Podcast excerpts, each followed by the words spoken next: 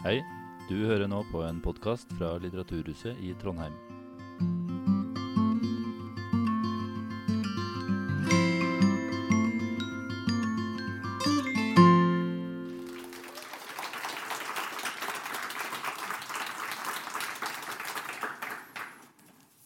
Ja, takk.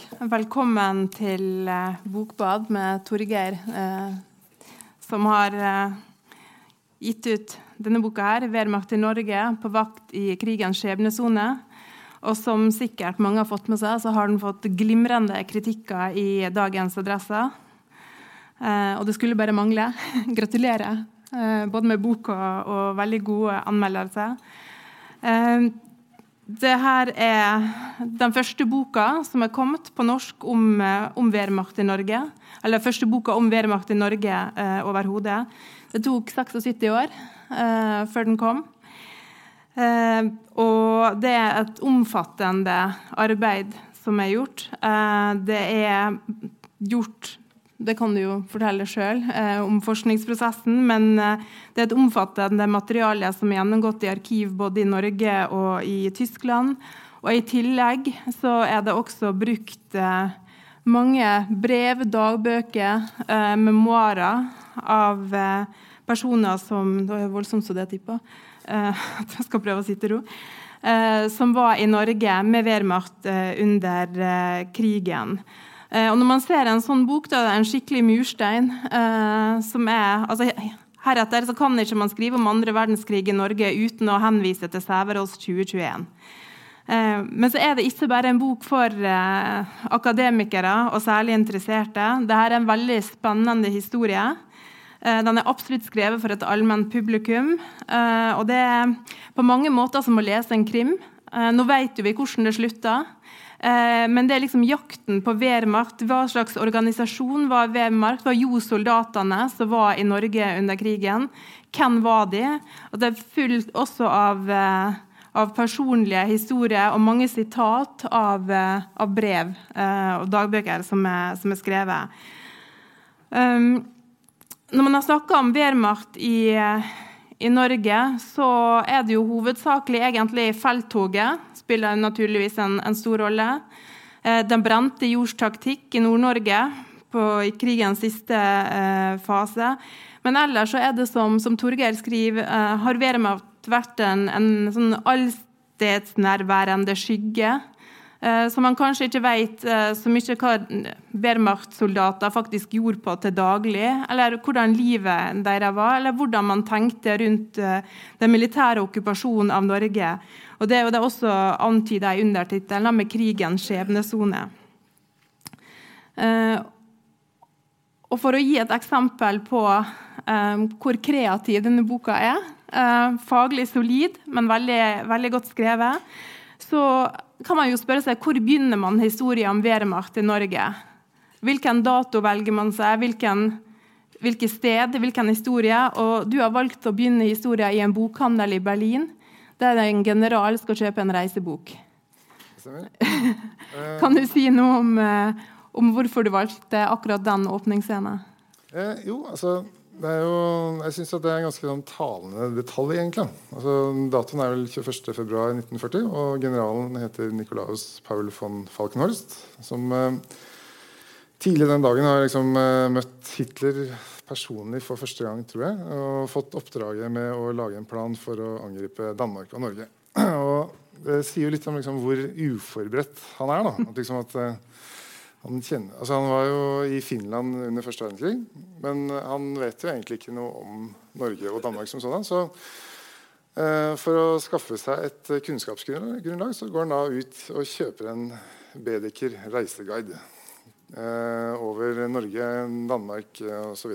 Altså, så det, det, er liksom eh, jeg synes det, er, altså det er en ganske liksom, fin scene. Altså, liksom, den uniformskledde generalen som da har fått oppdraget, og så er han i Berlin og er sikkert kledd i sin beste uniform. Og så liksom øh, ja, vet han liksom, Så må, må han liksom i bokhandelen for å finne den lille røde reiseguiden. Så, nei, så det, er liksom, ja. Men det, det er noe han forteller sjøl i avhøret som ble gjort av han øh, høsten 1945 etter krigen. Jeg liksom det, var, ja, det, er, det, er, på en måte en litt sånn um, For det første får du introdusert en viktig person. Da. Og så er det også det at det, med at det er jo liksom Det er ikke så godt forberedt, kanskje. Altså, det blir det etter hvert, men der og da så er det ikke det. Men, Derfor så begynte jeg der, da. Ja, I det avhøret sier han noe om han syns det var nyttig forberedelse? Ja, for han var det helt avgjørende. Altså, ja. det var liksom, ja, jeg måtte, særlig, kart, altså, særlig kartgrunnlaget da, i den, i den reiseguiden, som egentlig er ganske ja, Det er en veldig stor skala. Det er ikke så veldig detaljert, og sånt, da, men du får liksom sett hvor de viktigste byene er, og hvor jernbanen går. og sånt, og liksom det, For de tyske stabsoffiserene var det ganske avgjørende å finne, sånt, bare finne noen kart. da. For det fantes ikke så veldig mye av, tydeligvis.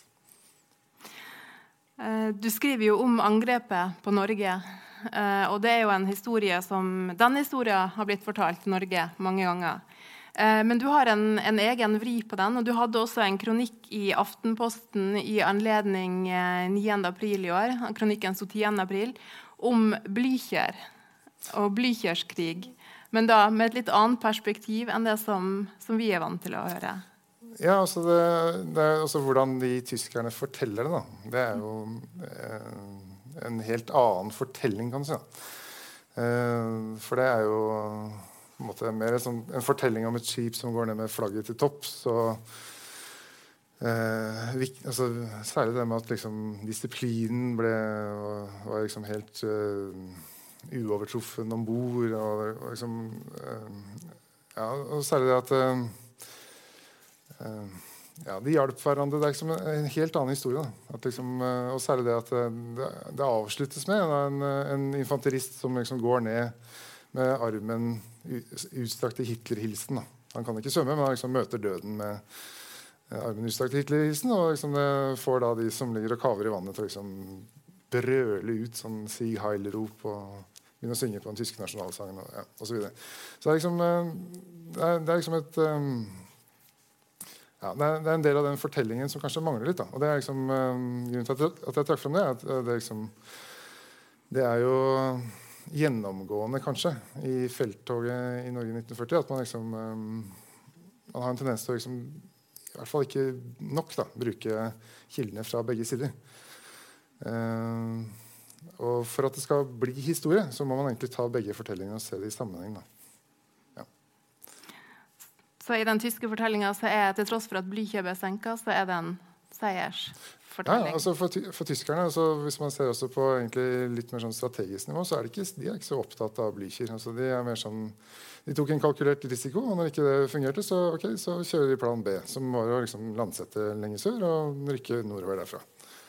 Så for de så er liksom eh, de er, altså de, de er, Det er forståelig at f.eks. For den norske kongen og sånt det, altså det var viktig for tyskerne, det også, men ikke på samme måte. Altså de hadde en, um, så lenge de fikk landet under kontroll, så det var det viktigste. Uh, så, det, så, det, er litt sånn Ulike faktorer har ulike betydning for uh, de ulike partene, kan man si. Og det representerer også denne episoden ganske godt, syns jeg. Mm -hmm. mm. Du skriver jo også når de, de evaluerer felttoget etterpå, eh, så, så, er det klart at, at felttoget på mange Det er første gang det har vært en så stor angrepsoperasjon med de forskjellige delene av Wehrmacht. Ja. Det er, Norge er test der.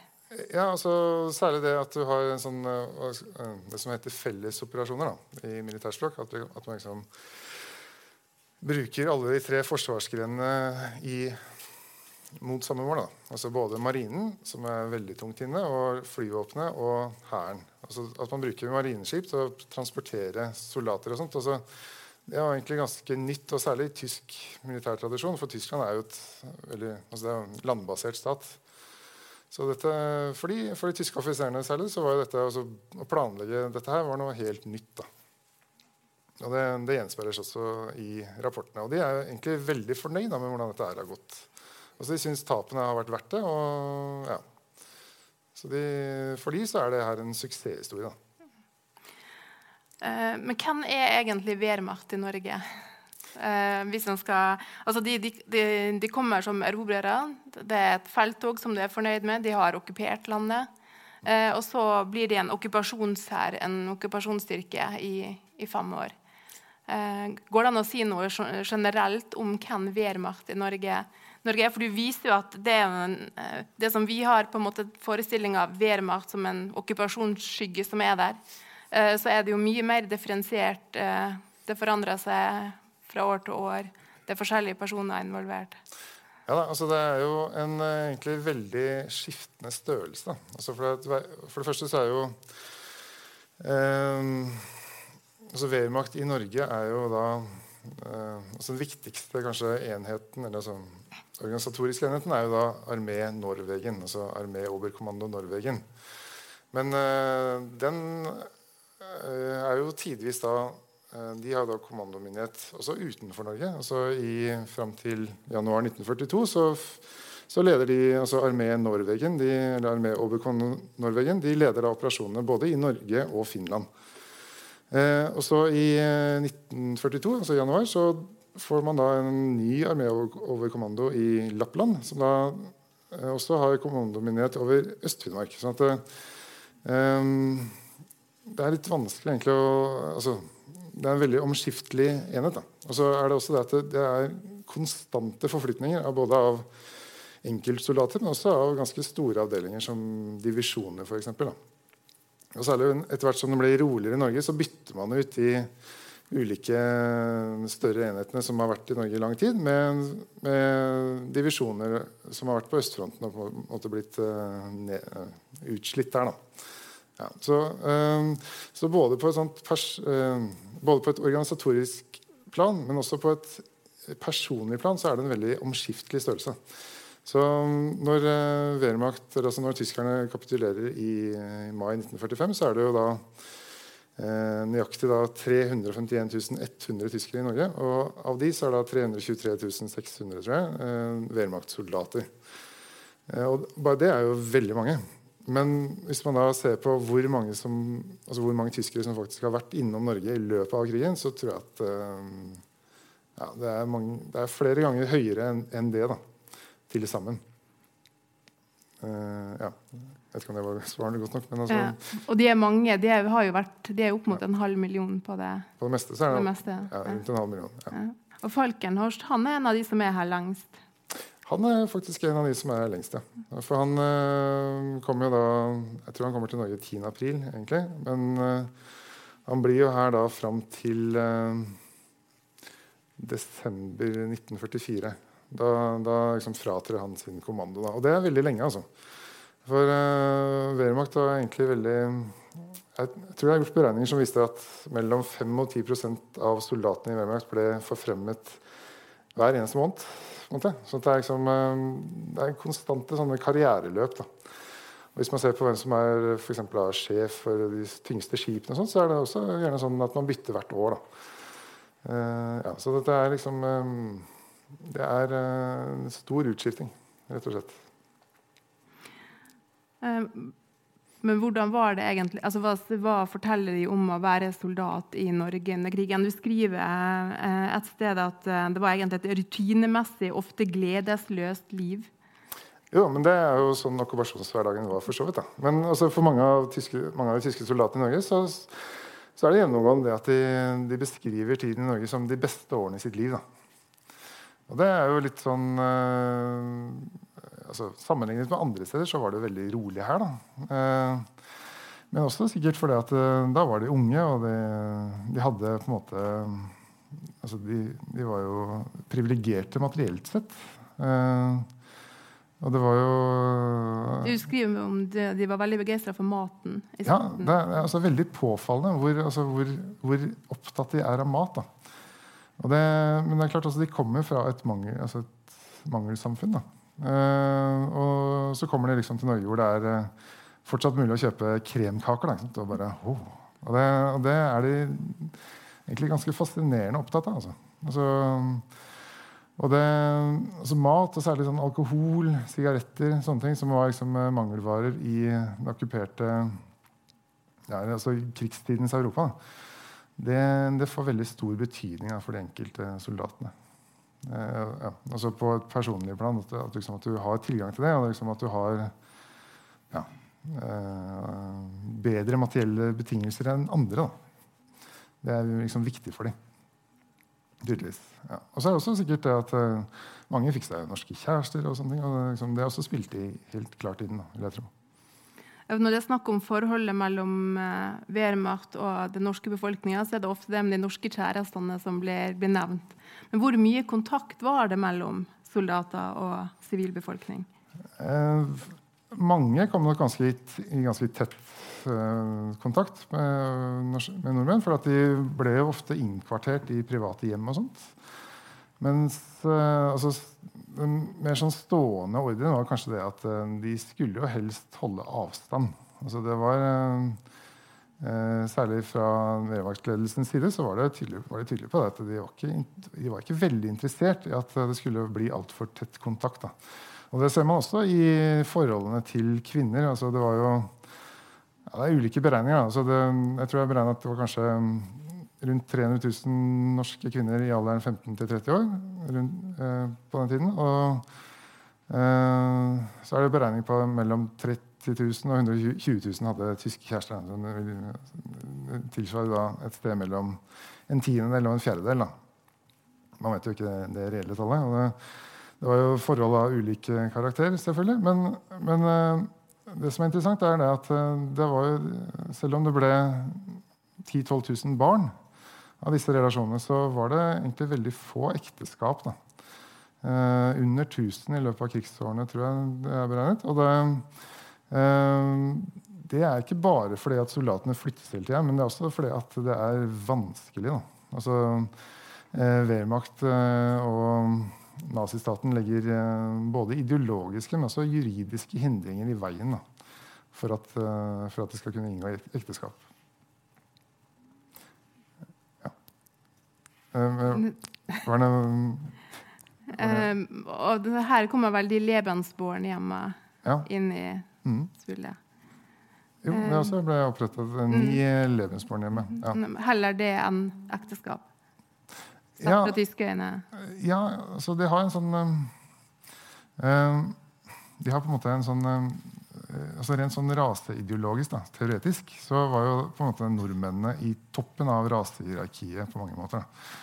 Men når det, altså, i den jeg si, praktiske politikken da, overfor nordmenn, så var det ikke så var det mest det erobrerperspektivet da, som ofte fortrengte det raseteorien. da. At de, de, var mest opptatt av å holde kontroll og helst ikke blande seg for mye med nordmenn. Da. Men eh, når det først resulterte i barn, så ville de gjerne ha kontroll over de. Da. Ja. Du, du, skriver også om disse her eh, soldathjemmene som blir, eh, blir oppretta.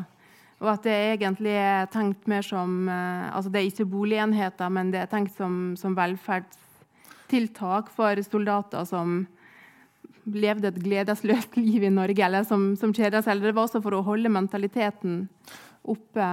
Ja, altså opprettholde kampmoralen. Da. Men der også så ser man altså, Soldathjemmene var på en måte altså, velferdsinstallasjoner si, Velferdsinstallasjoner som, uh, hvor, uh, hvor, det, hvor det spesifikt ble lagt opp til at soldatene skulle møte en en tysk altså en, si, en, eh, De skulle få følelsen av å komme hjem. da. Så de, de sendte masse tyske kunstnere for eksempel, til å dekorere og sånt. Uh, så var de også veldig opptatt av at uh, nordmenn ikke hadde adgang. Da. For at uh, de fant det uverdig da, hvis tyske soldater kom med sin norske kjæreste, og så ble de liksom servert av en tysk kvinne som da hjalp til på dette soldathjemmet. Det var liksom uverdig. Så det er, det er en sånn der, litt sånn pussig erobrermentalitet. Ja, I hvert fall det er påfallende. At de, har, de, er veldig opptatt av å opprettholde den der tyskheten.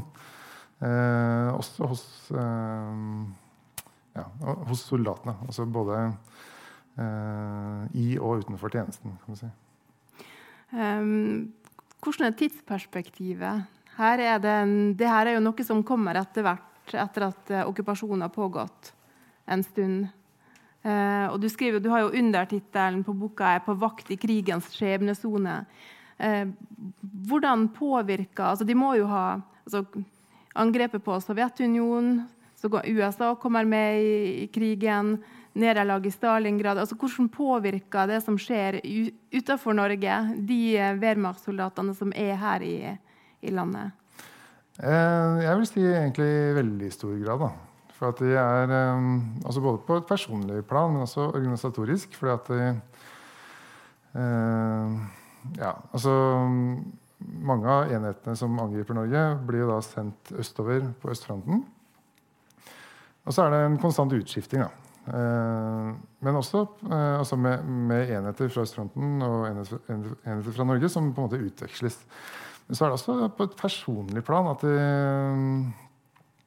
jeg både begynner å skjønne det at uh, dette er en virkelig verdenskrig, men også etter hvert når det begynner å gå dårligere, så blir de også f.eks. bekymret for sin uh, egen familie i Tyskland. Og ja De innser jo at de selv kommer til å havne på østfronten.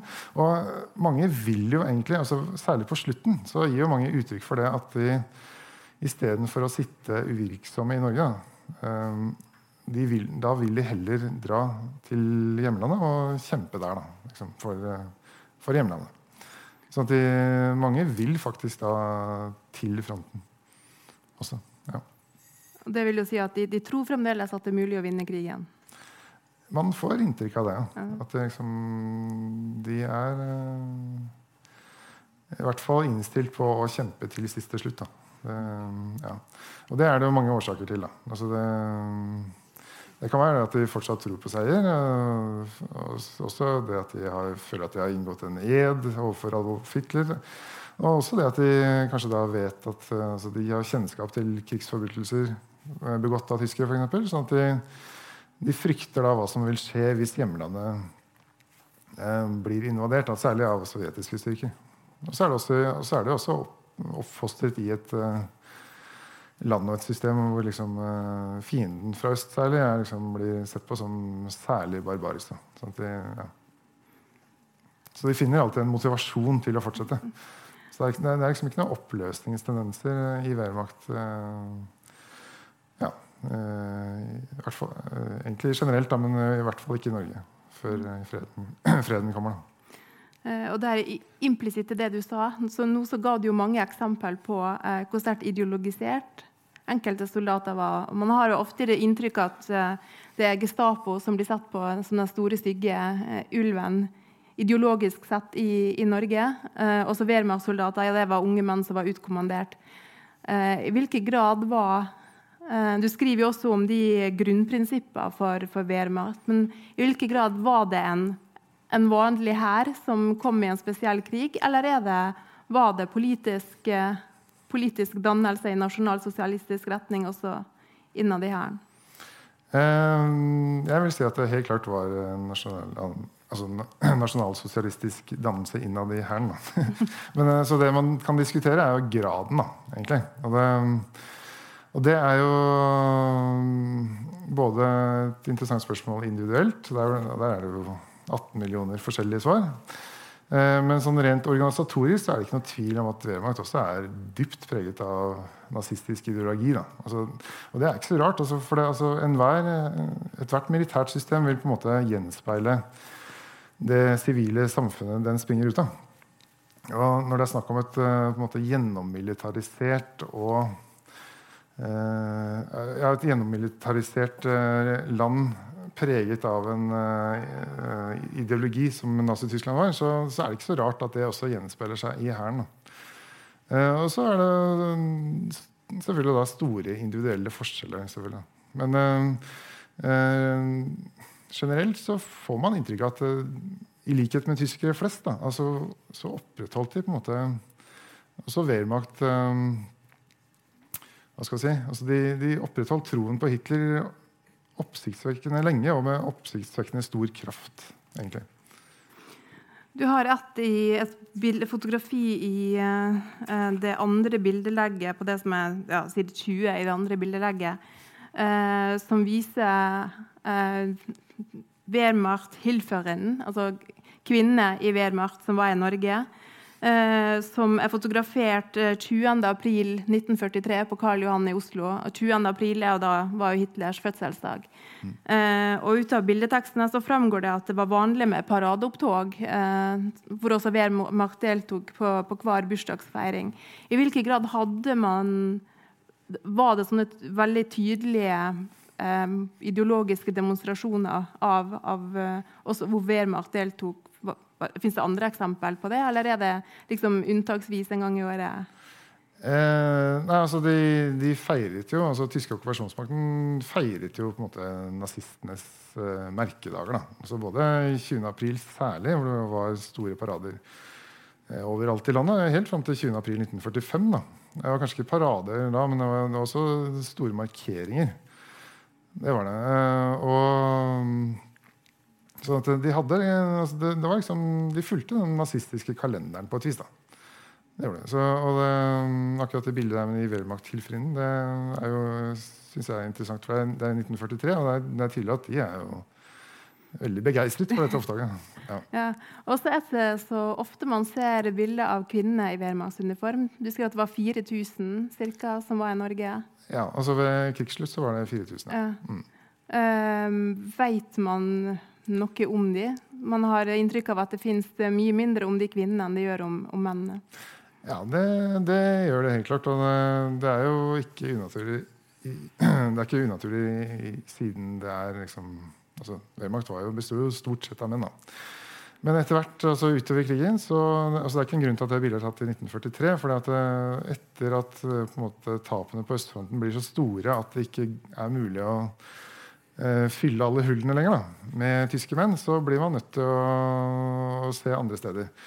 Altså, Naziledelsen var jo egentlig veldig opptatt av å ikke eh, gjøre altså, De ville jo ikke mobilisere kvinner i for stor grad. da. Så de var opptatt av det, Men etter hvert så innser de at de blir nødt til å bruke noen. og da, eh, da setter de jo da kvinner inn i typiske stabsoppgaver. da. Altså for eksempel da, eh, som skrivere, eksempel, og ja, den type ting. da. Så det, De er jo ikke stridende, altså det, men de, jo, de får jo oppgaver som har med eh, mer sånn administrasjon å gjøre. Da. Men eh, det, det ja, I hvert fall om de kvinner i Norge er det ikke mye som er kjent. Altså. Det er det ikke. Mm. Du har jo med veldig mange eh, individfortellinger. Altså, du tegner jo et tydelig bilde gjennom eh, de mange personfortellingene eh, av i hvert fall enkelte av de soldatene var her, som var her, og du bruker eksempel fra ulike steder i Norge. Er det en av de historiene eller personene som du eh, skulle til å si fikk et spesielt forhold til, eller som du eh, Ja. syns var en spesiell eh, historie? Så jeg kan vise en eh, altså i hvert fall, eh, det, det, altså De personene jeg har valgt, er ofte de som etterlot seg skriftlig materiale. Så det er litt avhengig av det. Men jeg syns særlig en eh, poet som heter Sigbert Stemann, som vi ser her sånn, i, ute i felten med, ved skrivebordet i sommeren 1940, han, han syns jeg var veldig interessant. da.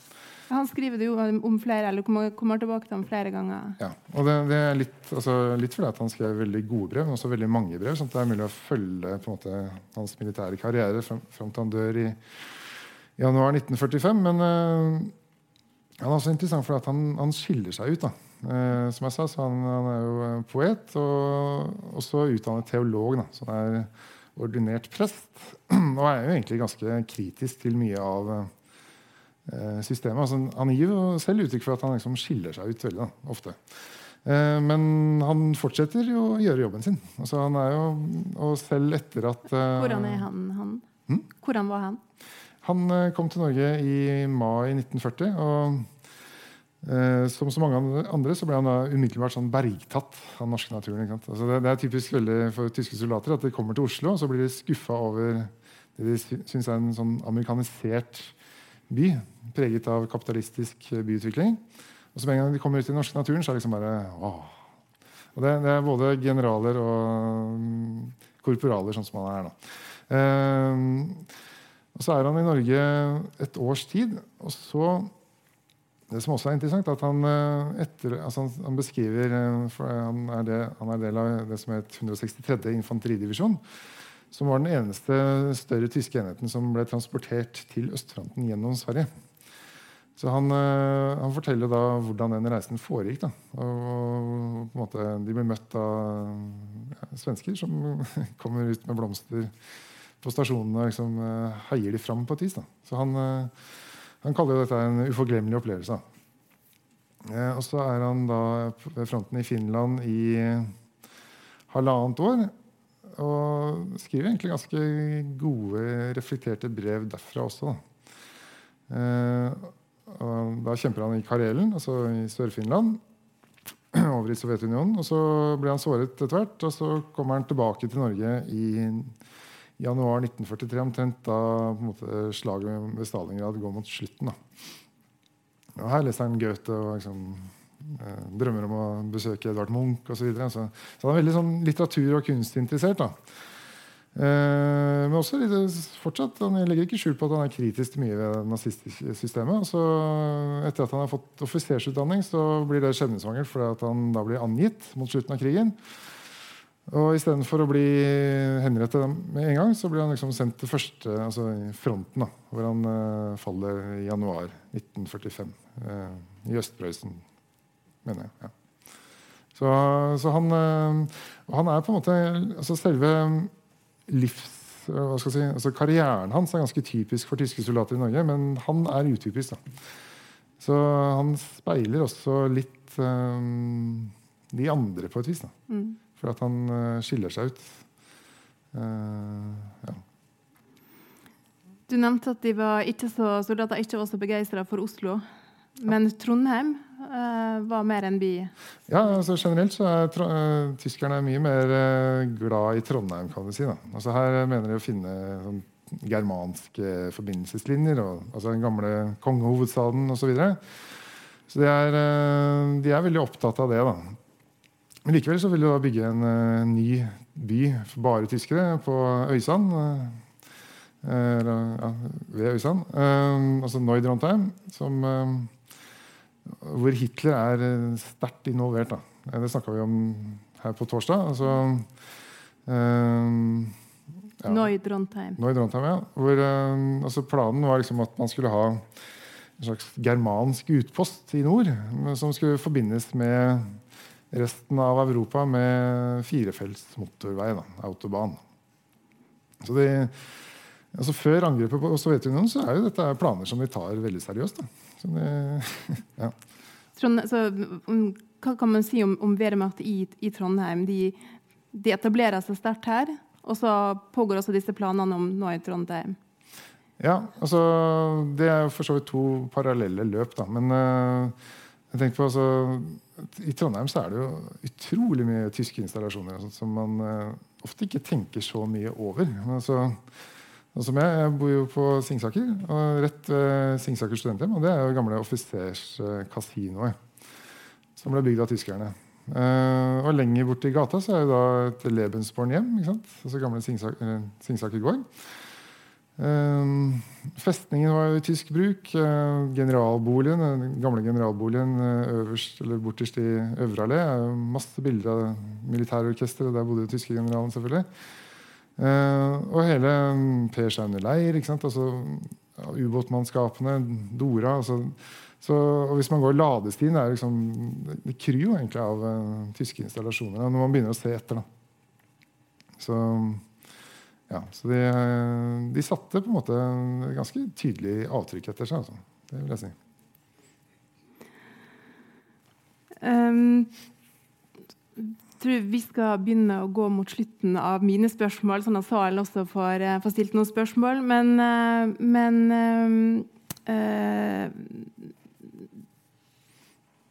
Man kan få inntrykk Det fins også en bok som heter øh, den, den, vennlige fienden, som er skrevet av Ebba Drollshagen. Hun tematiserer da med de norske kvinnene som fikk tyske, tyske kjærester. Um, men og du har jo vært inne på det med det ideologiske i, uh, i Wehrmacht. At det, det, er også noe viktig å, å, å huske på. Uh, og så skriver du um, Du har et sitat um, når det er snakk om altså, hvor viktig er Wehrmacht for det som skjer i Norge. og Spørsmålet er jo her også Wehrmacht og, og krigsforbrytelser. Hvilken rolle spilte Wehrmacht under unntakstilstanden i Trondheim for aksjonen mot, uh, mot de norske jødene? Uh, og du skriver på uh, side 229 at var, altså Wehrmachts tilstedeværelse var helt vesentlig og vikt, en, den viktigste forutsetninga for aksjonen mot de norske jødene. er det sånn at Wehrmachts rolle har blitt underkommunisert? Nå har det jo kommet en del bøker om, om holocaust i Norge de siste åra.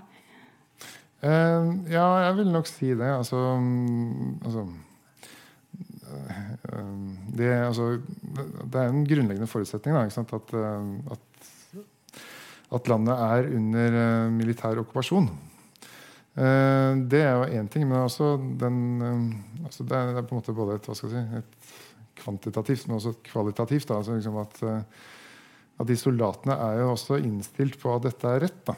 Altså de, de, støtter jo dette her, i hvert fall i overveiende stor grad. da. Selv om det klart er individuelle forskjeller og sånt. Men altså, eh, det er jo en, nas, en nazifisert okkupasjonshær. Eh, det er deres offisielle styringsideologi. Og Det er en faktor som på en måte ikke kommer så veldig tydelig fram. Jeg kritiserer bl.a. Ole Kristian Grimnes, som i sin siste bok skriver at liksom det, det var ja, det, Altså det, det nedtones for mye. Da. Og ikke minst også det for at det var jo åpenbart at Wehrmacht var så mye tettere på aksjonen. sånn når først eh, arrestasjonen hadde skjedd, for eksempel, så er det jo da Wehrmacht-avdelinger som holder vakt ved, på kaia. Og også en eh, mener jeg har påvist en sånn feltgendarmeri eh, Altså en militærpolitiavdeling, som egentlig er de som er vakter på Donau, f.eks. Uh, og så er det også andre eksempler hvor Wehrmacht-soldater er direkte involvert i aksjonene i tett samarbeid med, Gestapo. Uh, og I tillegg så er det også det altså, altså Wehrmacht og egentlig hele er, Jeg syns det er litt underkommunisert det at jødeaksjonen foregår på samme tidspunkt som hvor, uh, hvor Wehrmacht-ledelsen anser situasjonen som mest truet. Så for de så gir det på en måte mening da, å gjennomføre jødeaksjonen da den skjer. For eh, de, altså i hvert fall eh, De eh, er jo da i hvert fall Mange tror jo oppriktig at de er liksom i kamp ikke bare mot Sovjetunionen, USA og Storbritannia, men også mot verdensjødedommen. da. Så at, I deres verdensbilde så passer på en måte det her veldig godt inn da, akkurat da. For den, altså alarmen går oktober-november 1942 er liksom da, den perioden da alarmen går oftest. Og ofte her i Midt-Norge og nordover, på en måte. Så, at, eh, ja, så jeg syns at den konteksten her er ikke kommet veldig tydelig fram. Det, ja. mm. Du nevnte jo at eh, det var um, også slik at det var soldater som hadde vært på østfronten og som var på en måte krigstrøtte derifra, som kunne bli sendt til Norge. Mm. Eh, har det noe å si i forhold til måte, den radikaliseringa og eskaleringa av vold som en ser, særlig i Midt-Norge? Det tror jeg nok helt klart, ja. Eh, men ja, ikke bare i Midt-Norge, men altså generelt. Da. Altså det, det, skjer en radikalisering av hele, egentlig, hele det tyske samfunnet, men også i Norge da, den tyske okkupasjonsmakten generelt. Da, også Wehrmacht. Eh, og det er nok delvis også med altså, krigserfaringen i seg selv, selvfølgelig. Eh, og Eh, det har nok også sikkert betydningen det at det kommer flere folk som har vært utsatt for eh, eller også, Som er veteraner fra den type ting. Som er vant til en, altså de er vant til et helt annet voldsnivå. Mm. Eh, for det første så kommer de fra et samfunn som er mye mer voldelig enn det det norske samfunnet i samtiden var. Men så er det jo da blitt ytterligere radikalisert og ja, hva skal jeg si altså, de, de er blitt ja, de har blitt vant til dette på en helt annen måte. Altså de, er, de, er, liksom i krig mentalt også, på, på, en måte som egentlig er litt sånn skremmende. på en måte. Og, og, også litt vanskelig å sette seg inn i da, eh, når man bor i Norge i dag. Mm.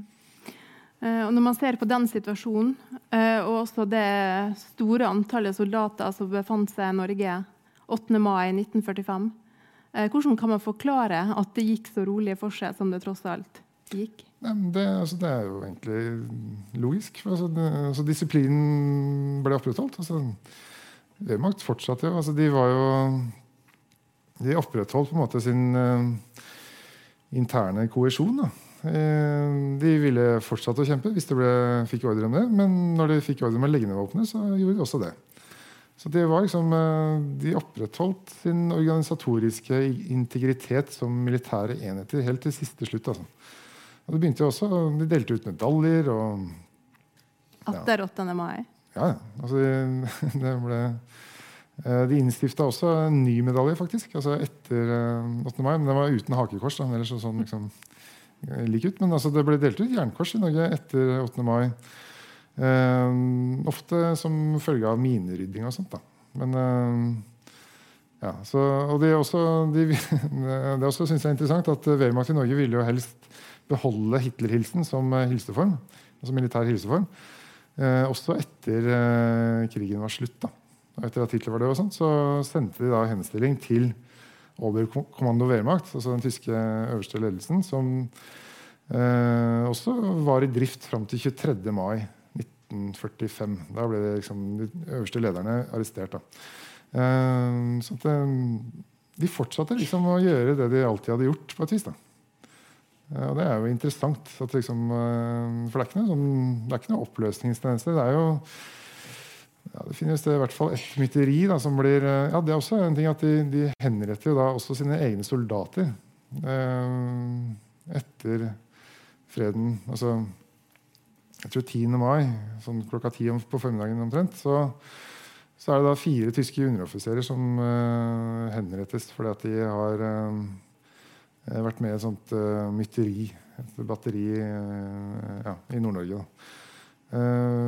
for altså de, Sett fra deres perspektiv så er det, liksom, det er helt logisk. At de, liksom, de har brutt kodeksen på en måte, og må ryddes av veien. så de er veldig opptatt av å opprettholde integriteten så lenge som mulig. Mm.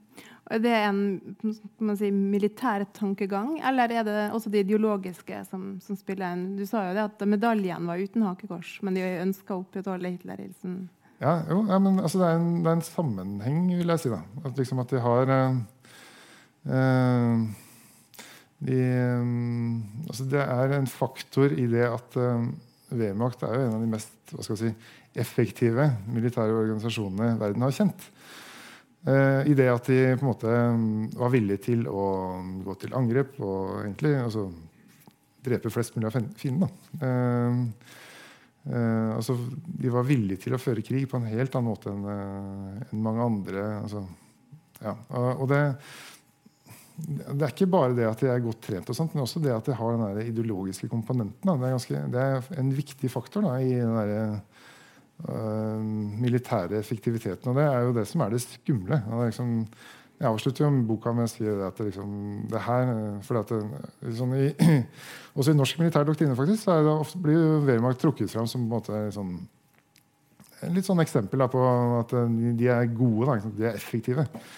Men det er, det er det en grunn til. Og, den, ja, og Derfor burde man ikke være interessert i å følge det eksempelet. Altså, det, er, det er mer en advarsel. Altså et varsko. Altså, det her er eh, ja, Sånn burde man ikke gjøre det.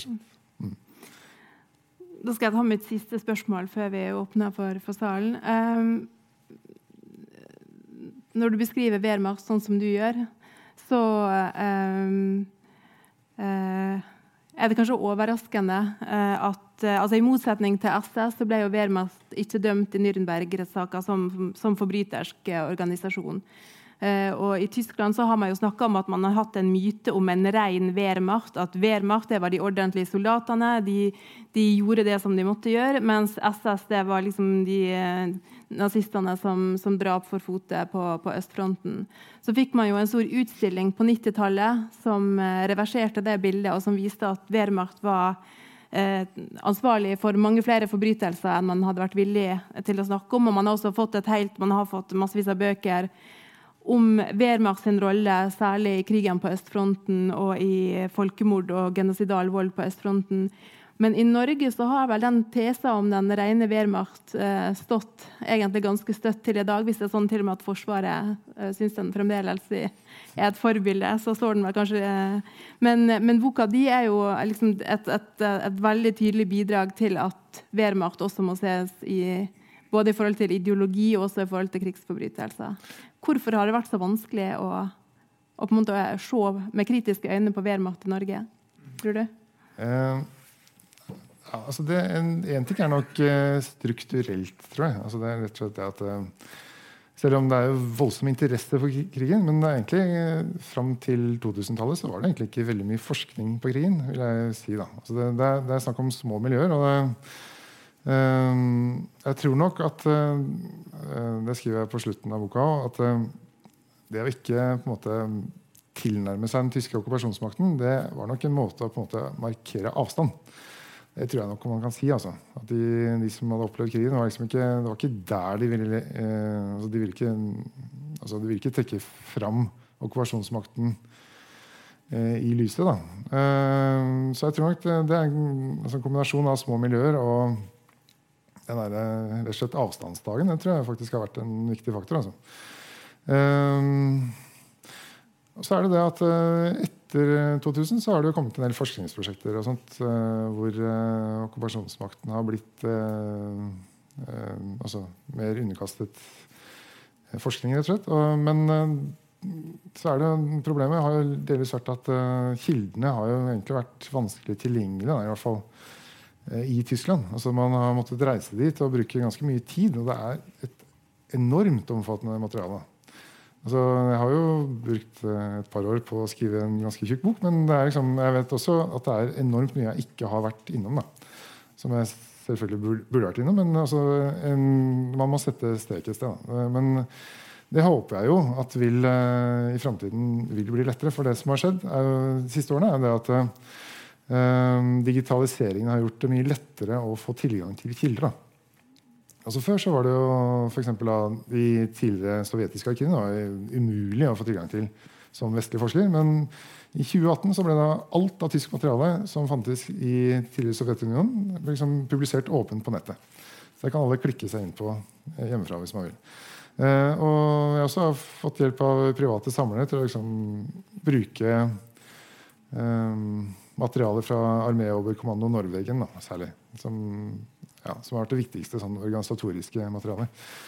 Eh, men fortsatt så er det jo store mengder. da, sånn at eh, Situasjonen har liksom snudd seg litt. altså Fra å ikke ha tilgang, så har man da plutselig tilgang på veldig mye. Så, ja, men i hvert fall det, jeg tror nok den kombinasjonen av liksom, eh, ja, eh, små miljøer, avstandsdagen og vanskelig tilgjengelig kildemateriale har nok gjort det at eh, eh at Wehrmacht ikke er blitt uh, veldig analysert i norsk historieskrivning. Da. Så det har liksom vært en sånn ja, litt sånn grå masse, egentlig.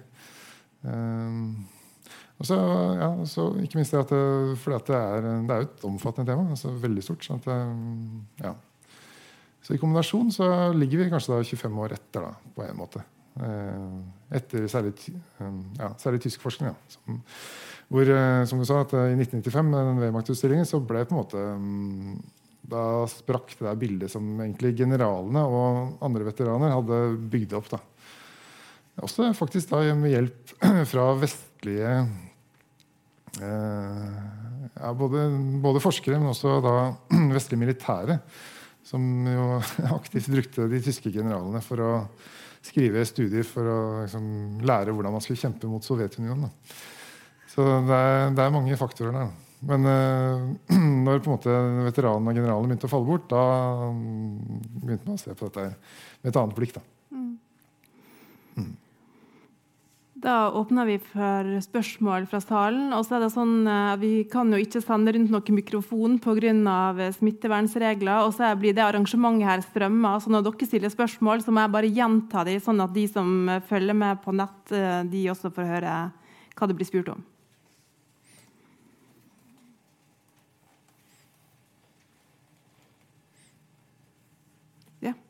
Du nevner jo en god del om tyskernes atferd osv. Eh, bare må kommentere slik at eh, min far var distriktslege i Setesdal i 1940. Da kom tyskerne oppover dalen. Da ble det innlosjert hos oss, får jeg meg fortalt, eh, underoffiser. De var ekstremt høflige. slo hæla sammen og snakket om gnedige fra og var så korrekte at det var ikke grenser. Det var én rar ting. En annen ting som var mye rarere. Faren min som var da lege, han ble tilkalt til sjefen for, eh, for det medisinske korpset da i, i, i, i de som dro nordover. Mm. Og så eh, ville den tyske legen han ville ha en samtale under fire øyne. Og det fikk han da. Så satt de og snakket sammen, og så slutta den tyske legen, som senere ble for øvrig sjef for den eh, tyske legene i, i Norge, han sa vi kommer til å tape krigen, men det vil ta tid. Vi forlir den Krieg, aber das wird etwas dauern. Og da faren min lurte på helt i sin døde dag hvordan kunne den tyske legen der tørre å si noe sånt til en nordmann? Ja, nei, det er et godt spørsmål. Uh, Altså Spørsmålet var jo om eh, i hvilken grad, altså hvor, hvordan en norsk-tysk lege kunne tørre å si til en nordmann at han trodde Tyskland kom til å tape krigen.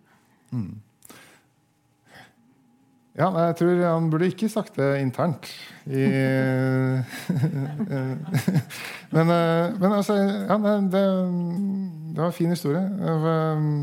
For det viser jo at eh, altså, det, er, det er veldig vanskelig å altså, Vi snakker her om en enormt stor gruppe mennesker. At vi, det, er, det er veldig vanskelig å generalisere. Altså, en ting er jo, altså, jeg er jo på en måte altså, det er ikke så vanskelig å få inntrykk av Wehrmacht som organisasjon. Men når man ser på de ulike menneskene, når det er så mange, så blir det veldig mange forskjellige historier. Hver historie er jo unik. Sant? Altså, og det, eh, det er jo veldig mange historier om tyskere som oppfører seg, oppfører seg bra, men også eh, historier hvor de ikke gjør det. Eh, og det, utfordringen er på en måte å de balansere de ulike fortellingene opp mot hverandre. Eh, Men at eh, en intelligent lege ville være i stand til å se at eh, Det var tidlig, da, selvfølgelig. Altså Hvis det var 1940, så, så var det veldig tidlig. å ja.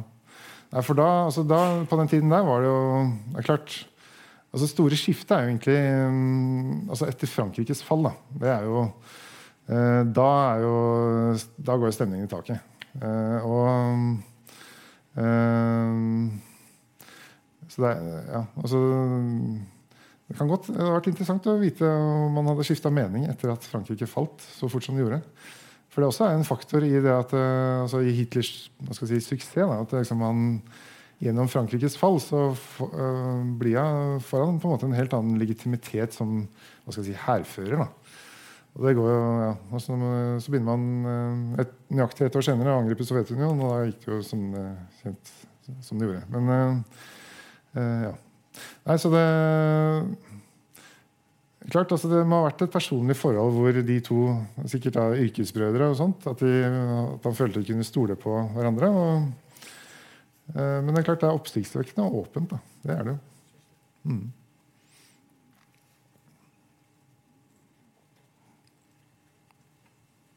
Eh, Det har blitt nevnt eh, memoarer og brev, men jeg lurer på om du kan si noe om hvilke andre kilder du har brukt?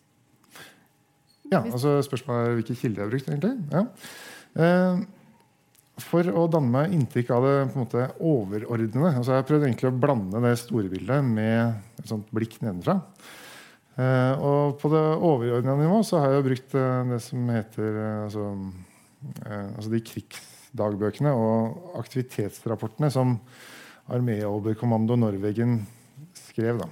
Og De er ganske omfattende, og de er veldig altså det er ganske logisk ført. Altså, det som skjedde i tyske avdelinger, var på en måte at de starta med å sende meldinger om aktiviteten siste halve døgnet om morgenen, og så gjorde de det samme på ettermiddagen. Og Så gikk det gjennom flere lag, og så til slutt så havnet det på en måte på Hitlers spor. Men når det har kommet opp på armé-overkommandoens nivå, da, så har man en ganske oversikt over alt som har skjedd i Norge. og og det er belagt med eh, f.eks. ordredokumenter og rapporter. Og det kan også være litt statistikk og eh, Ja. Altså, de skriver rett og slett ganske utførlig hva de har gjort for noe. Eh, så det er på en måte danner litt sånn grunnstammen da, i boka. Eh, og så har jeg, sett på da eh, både på personlig nivå med brev og dagbøker som gjerne der det er publisert. da. For det er, eh, altså det, de skrev jo da Det ble sendt 40-50 millioner feltpostbrev i Wehrmacht hver eneste måned. Og eh, det er, ikke, det er ikke- så godt å si hvor mange som var i Norge, men det er mange.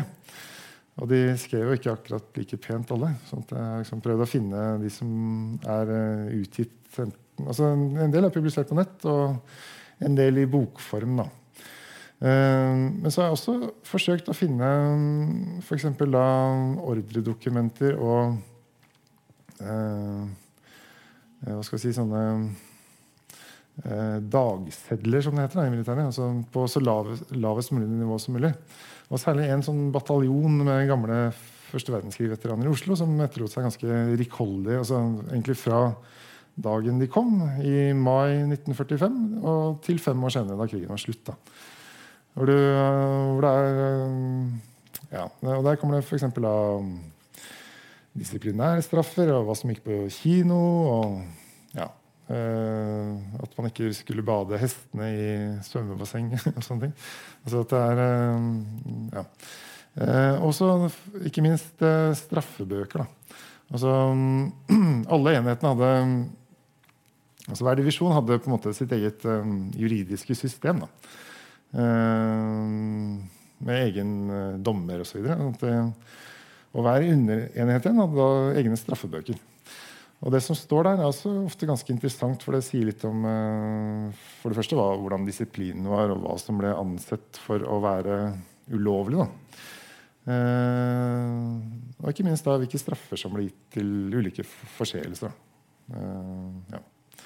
Mye, særlig sånn hvis man kom for seint hjem og var full, og sånt, så kunne man få tre uker på vann og brød. og ja, sånne ting. Så det, det, er liksom, eh, det sier noe både om de enkelte tilfellene, men også om eh, organisasjonen som helhet. da.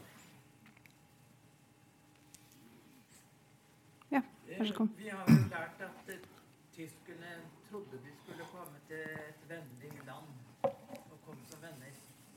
Eh, Hvordan går det fram at de, om de, hvordan de så på den motstanden de tross alt møtte, selv om den ikke var så veldig stor? Men det hadde vært interessant å se hvordan de tolket den motstanden de møtte.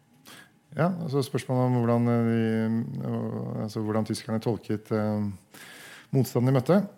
Ja, for det, det er egentlig veldig interessant. Altså, fordi eh, de skrev en ganske utførlige erfaringsrapporter etter at felttoget var avsluttet.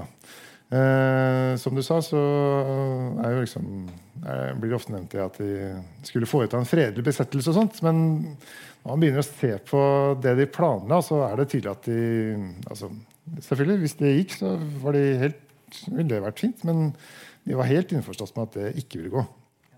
Eh, og det som er interessant i erfaringsrapportene, er ofte det at de, de, altså de tilhører ikke karakterer, men de, de Altså de hadde en slags sånn stående ordre om at eh, meldinger og rapporter og skulle være mest mulig sannferdig. Og minst mulig pyntende adjektiver. og sånt. Så de er ofte ganske, ganske ærlige, da. Virker det som. De framstår i hvert fall som ganske ærlige. Eh, også Noen ganger så kan de bruke eh, altså, også om krigsforbrytelser og sånt. Som de da rettferdiggjør med ideologiske betraktninger. og sånt.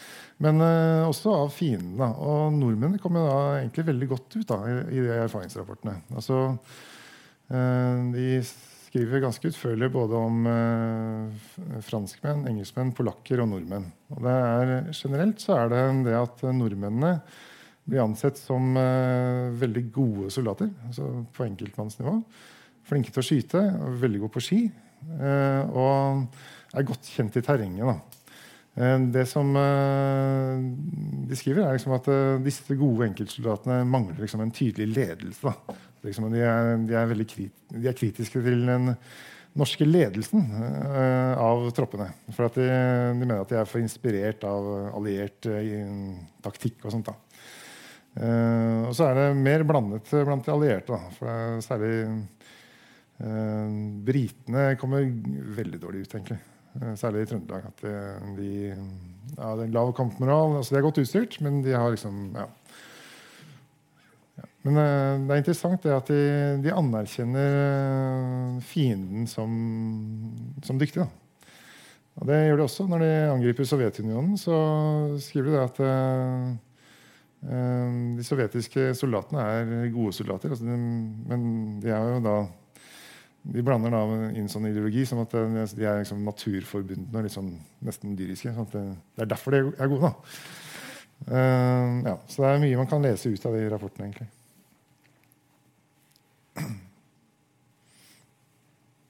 Ja, vær så god. Jeg har et spørsmål om jødene. For at du sier jo det at de, mange støtter jo den ideologien de var sendt ut ifra. At det var med når jødene ble sendt. Men visste de ikke jødene ble sendt her? Visste de hva som skjedde i Tyskland? Uh, spørsmålet om altså, hva Weimar-soldatene visste om jødetryllesten, egentlig. Ja.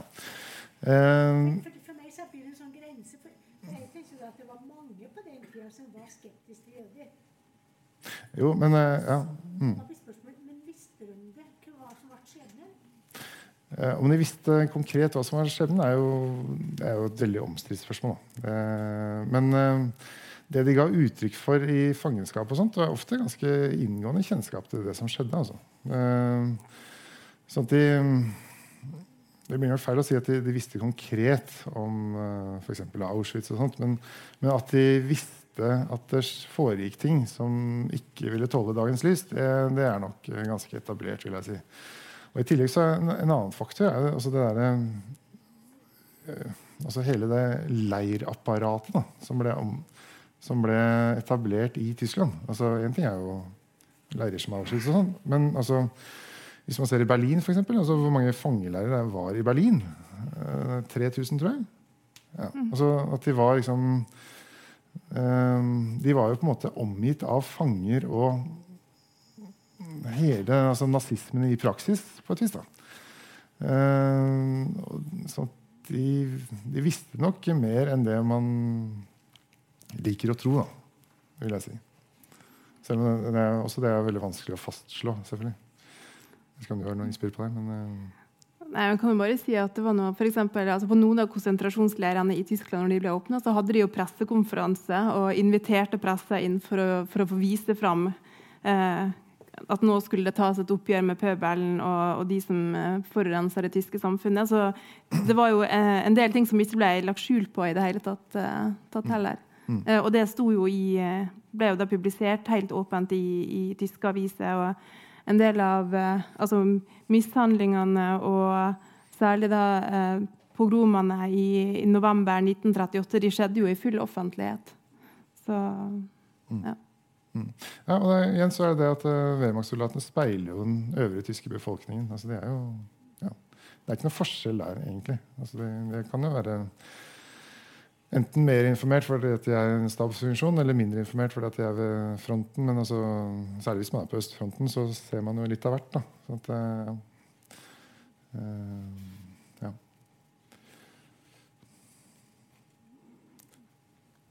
Hvis noen av dere der bak her som rekker opp hånda, så får jeg lyset midt i øynene, så det ser jeg ikke. Så jeg må være veldig rekke den langt opp, sånn at jeg ser det. Ja, vær så god.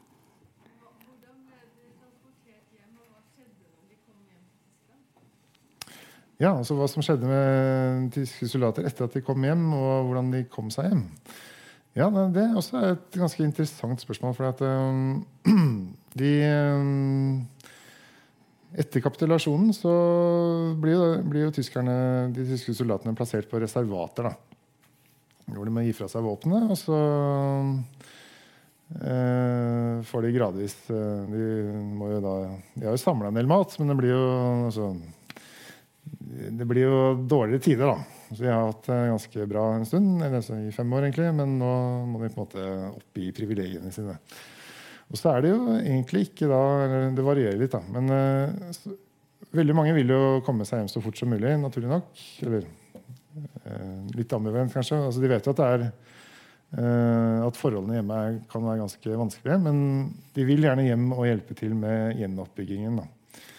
Og da starter de i løpet av sommeren til Vest-Tyskland først. Altså de altså i ulike okkupasjonssonene. Altså amerikanske, britiske og franske. Eh, de ble sendt dit først, og til slutt eh, til den sovjetiske da, i september.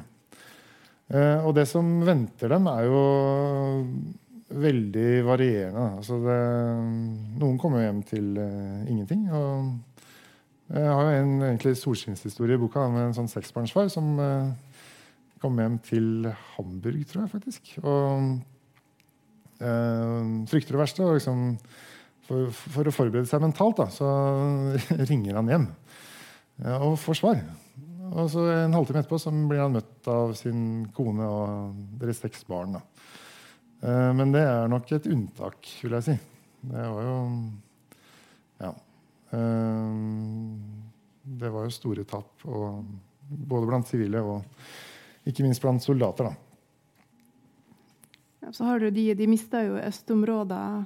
Så ja. Falkenhorst f.eks. han kunne ikke dra hjem til Slesien eller til det som i dag er Wrocław, som var Brest, tyske Breslau. Mm. Ja, så han uh, ender jo da opp uh, som pensjonist ved elven Weser. Det er også er litt interessant også i Niedersachsen, der hvor kona hans var fra. Så, uh, angrepet på Norge heter jo Weser Ybung, og general von Falkenhorst, som ledet den, liksom, dør ved bredden av elven Weser. Ja. Fra bokhandel til Weser. Mm. Ja.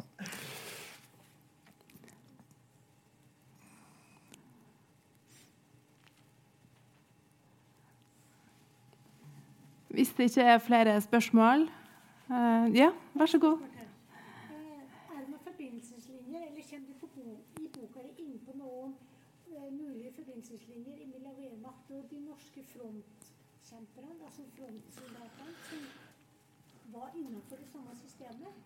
Eh, altså Om de norske frontkjemperne var på en måte ja, forbindelseslinjer mellom Wehrmacht og norske Eh, jeg kommer så vidt innpå altså den første rekrutteringen av norske frontkjempere, tror jeg. Altså sett fra tysk side, da. Men uh, det var på en måte altså, De var ikke helt altså Selv om, selv de kjempet uh, for felles sak, og sånt, så var det norske frontkjemperne var jo innrullert i Waffen-SS, som, som, hadde sitt eget system. Og så, de ble jo altså, De var jo relativt integrert på et vis i sånn, uh, hva skal jeg si, på ja, fronten. da. Men de hadde på en måte sine egne mm, rekrutterings- og utdanningssystemer. og sånn, så de, det var eh, veldig få nordmenn som havnet på en måte i, under Wehrmachts kommando. Det var noen få, eh, men det var ikke mange. altså. Og det er nok litt sånn, det var veldig unntaket at, eh, at nordmenn havnet i Wehrmacht.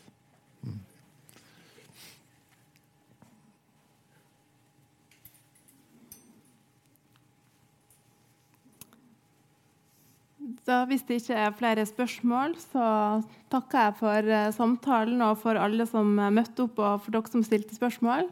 Og så vil det jo bli mulig å sikkert snakke med deg etterpå når du signerer eh, bøker ved ut, utgangen. Eh, og det er også mulig da selvfølgelig å kjøpe boka i den anledning. Tusen takk for eh, i dag. og Gratulerer nok en gang med ei veldig, veldig viktig bok. Og ei veldig god bok som absolutt er verdt å lese. Takk for det.